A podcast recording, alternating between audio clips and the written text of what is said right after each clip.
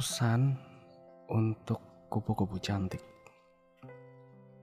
Untuk kupu-kupu cantik, izinkan pria egois ini beralibi pada kamu lewat tulisan yang akan sangat membosankan ini. Karena aku bukanlah pria yang terbiasa menjual kata-kata indah dan puitis ala fuckboy. Aku tidak ingin berpikir pragmatis untuk mengeluarkan segala gombalan maupun jurus maut yang mungkin bisa saja memastikan tempatku pada benakmu dalam waktu singkat. Ups, maaf, aku mungkin telah menghina kamu saat berkata singkat.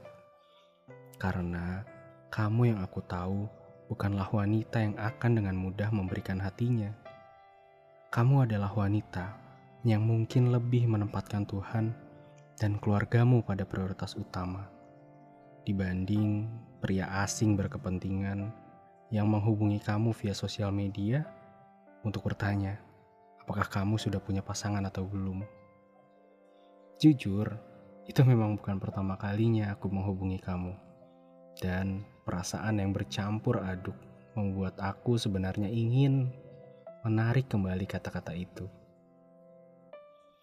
Mungkin dibandingkan dikenal sebagai pria yang berkepentingan, lebih pantas disebut pria misterius yang menemukan foto lama kamu sebelum cantik tertutup hijab. Berkat rasa penasarannya untuk mencari namamu di internet dan tanpa sengaja menemukannya. Aku baru tahu belakangan tentang bagaimana rasa malunya seorang akhwat yang bukti masa lalunya ditemukan dan ditegur langsung oleh Ikhwan yang tidak dikenalnya. Sungguh bodoh rasanya jika mengingat diri ini bertahun yang lalu. Namun entah mengapa, di balik rasa campur aduk tadi, justru aku malah menjual kehidupan pribadiku sebagai cerita yang solusi dibaliknya adalah bantuan dan belas kasihmu. Aku selalu mengatakan betapa bencinya aku dengan teman-temanku yang membocorkan harta karunku kepada orang lain dan menjadikanku contoh negatif. Justru percaya pada si tired face untuk berbagi kisahku di balik topeng karakter dinginku. Mungkin karena julukan si wajah lelah tersebut yang membuatku sadar bahwa kamu adalah orang yang dapat dipercaya. Aku berpikir, bagaimana mungkin si wajah lelah yang jarang pergi ke kampusku punya waktu untuk membocorkan banyak hal pada orang lain di kampus. Itulah sedikit alasan yang membuatku, si pelit cerita, mau menceritakan banyak hal padamu. Andai ada kata yang bisa mengungkapkan perasaan tidak percayaku, saat kamu mau membuka dirimu juga dengan ceritamu. Seakan semua dosaku yang membuat kamu tidak betah dan menghindariku saat dulu bertemu di kampus, kamu maafkan dengan welas asih. Inilah bagian intermezzo dalam surat ini. Karena kamu adalah wanita yang sangat kukagumi berkat sifat pemaafmu disertai fokusmu pada masa yang akan datang. Seakan mendorongku untuk memaafkan diriku sendiri. Kamu yang menangis terseduh saat bercerita tentang si penting yang melukaimu dan membuatmu menghindar. Akhirnya membuatku sadar bahwa aku bukan hanya mengagumimu, tapi mencintaimu. Ya, mendengarmu menangis dan terluka membuat hati ini remuk. Seakan terjadi bukan padamu, tapi padaku. Saat itu benar-benar tengah malam yang sangat berharga, karena yang ada di kepalaku sama dengan yang masuk lewat telingaku. Alias aku tidak memikirkan apa-apa lagi selain ceritamu. Keesokan harinya dan berhari-hari setelah itu, kita sering berbagi cerita berjam-jam lewat telepon. Tepatnya di setiap Sabtu malam. Tentang kita ingin menjadi apa, kenapa seperti ini dan itu. Bagaimana kita bisa memecahkan masalah ini dan itu, dan masih banyak lagi. Di setiap pergantian hari, kita jalani aktivitas kita untuk mencapai impian masing-masing. Dan tak lupa, kita ingat-ingat yang kita alami. Untuk diceritakan bersama, nanti ditelepon. Lalu kita sebut nabung cerita. Benar-benar hubungan yang unik. Entah bagaimana, aku sejenak melupakan bahwa aku ingin menjadikanmu pasanganku. Bukan sekadar karena aku mencintaimu, namun karena sifatmu yang tertata dan menjaga komitmen.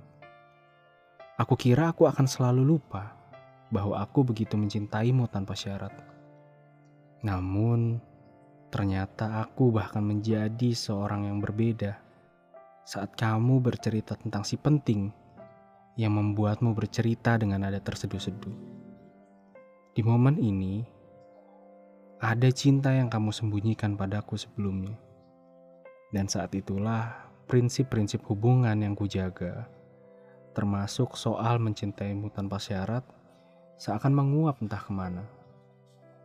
Aku marah, kesal, tapi aku juga sadar bahwa aku bukan siapa-siapa. Justru bukan siapa-siapanya aku membuat aku berpikir bahwa aku harus memberimu pilihan. Pilih Harun atau si penting. Aku pun bergetar dan merinding saat menulis kejadian tersebut. Karena aku sadar bahwa lebih baik saat itu kamu belum mengenalku dan baru berhubungan denganku beberapa tahun lagi saat aku sudah lebih dewasa. Harusnya aku beri surat ini judul dengan kata bodoh. Bisa-bisanya aku memberimu pilihan. Pilih aku atau si penting. Padahal aku juga bukan orang yang sudah kamu afirmasi untuk memperjuangkanmu, apalagi sebagai pasanganmu. Benar saja, kamu menghentikan hubungan kita yang baru saja ingin saling mengenal. Dan tak lama, kau mengunggah di media sosialmu sebuah kata-kata dalam buku kesukaanmu yang kurang lebih berkata, "Dia ingin menjadi siang, namun masih pagi." Kemudian ia menjadi pagi yang murung, tak menyinarkan semangat. Ini adalah kata-kata yang mematahkan realita bahwa selama ini aku yang berpikir bisa terbang, ternyata bahkan tidak punya sayap. Maksudnya adalah aku yang selama ini merasa bisa bersanding denganmu, ternyata bahkan tidak bisa membuatmu jangankan mencintaiku. Respekmu pun sudah hilang. Kurasa bagian sedihnya aku selesaikan saja. Karena setelah ini masih ada konflik lagi yang ingin ku ceritakan perasaanku di baliknya. Singkat cerita, kamu memaafkanku, namun tidak memberiku kesempatan untuk kembali ke posisi semula. Kita menjadi sahabat, di mana aku juga tidak bisa menghilangkan perasaan dan keinginanku untuk bersanding denganmu suatu saat. Aku mencoba untuk menjadi lebih natural, tidak berusaha untuk menunjukkan bahwa aku ingin mendapatkanmu. Jika kamu membaca bagian ini, mungkin akan terasa kurang adil karena komitmen kita sudah menjadi sahabat saja. Namun aku justru masih mengharapkanmu. Andai aku adalah orang yang suka bersumpah, maka aku akan bersumpah bahwa aku tidak memiliki strategi khusus untuk membuatmu mencintaiku. Yang kupikirkan saat itu adalah bagaimana aku bisa kembali apa adanya dan biar kamu sendiri yang menilai kelayakanku suatu saat. Namun apa mau dikata, memang aku masih tidak bisa mengontrol diriku sehingga caraku banyak yang kurang terlihat natural alias aku masih terlihat seperti orang yang ingin menjadikanmu pasangan secara perilaku. Hingga kamu pun kembali bertindak dan mengatakan bahwa kamu merasa aku melakukan strategi khusus untuk mendapatkanmu. Dan inilah saatnya aku mengatakan bahwa aku merespon kamu dengan kemarahanku dengan kata-kata lebih baik dihentikan saja semua interaksi kita. Karena aku memang tidak memiliki strategi khusus. Aku hanya mempertahankan pola curhat kita seperti sebelumnya karena aku butuh. Aku mengalami hari yang berat soal karirku, soal keluargaku, dan soal teman-temanku.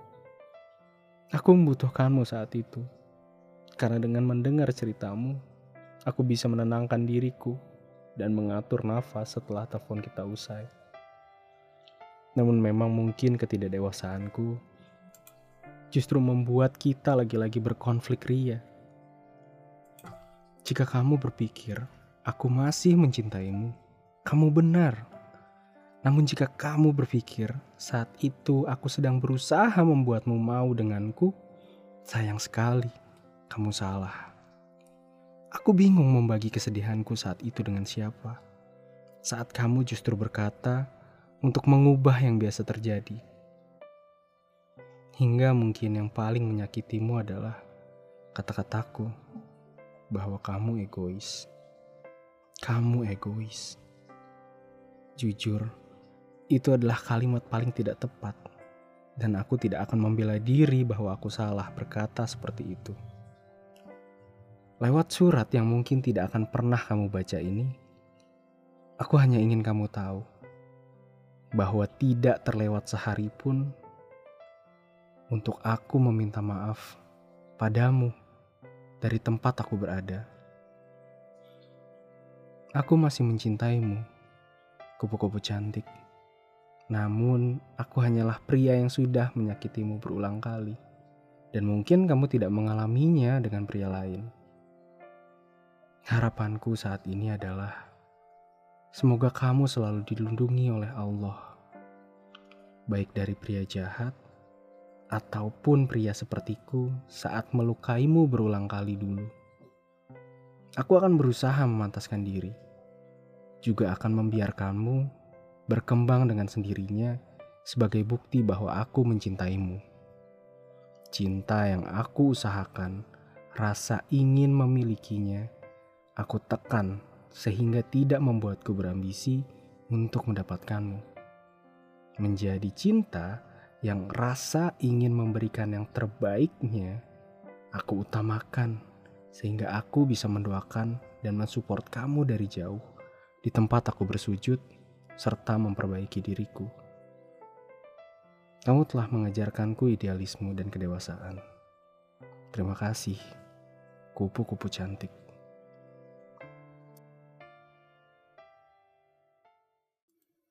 Terima kasih ya udah mendengarkan episode kali ini. Jangan lupa follow aku dan mental health dan aktifin lonceng notifikasinya agar kalian gak terlewat satupun episode-episode selanjutnya. Dadah.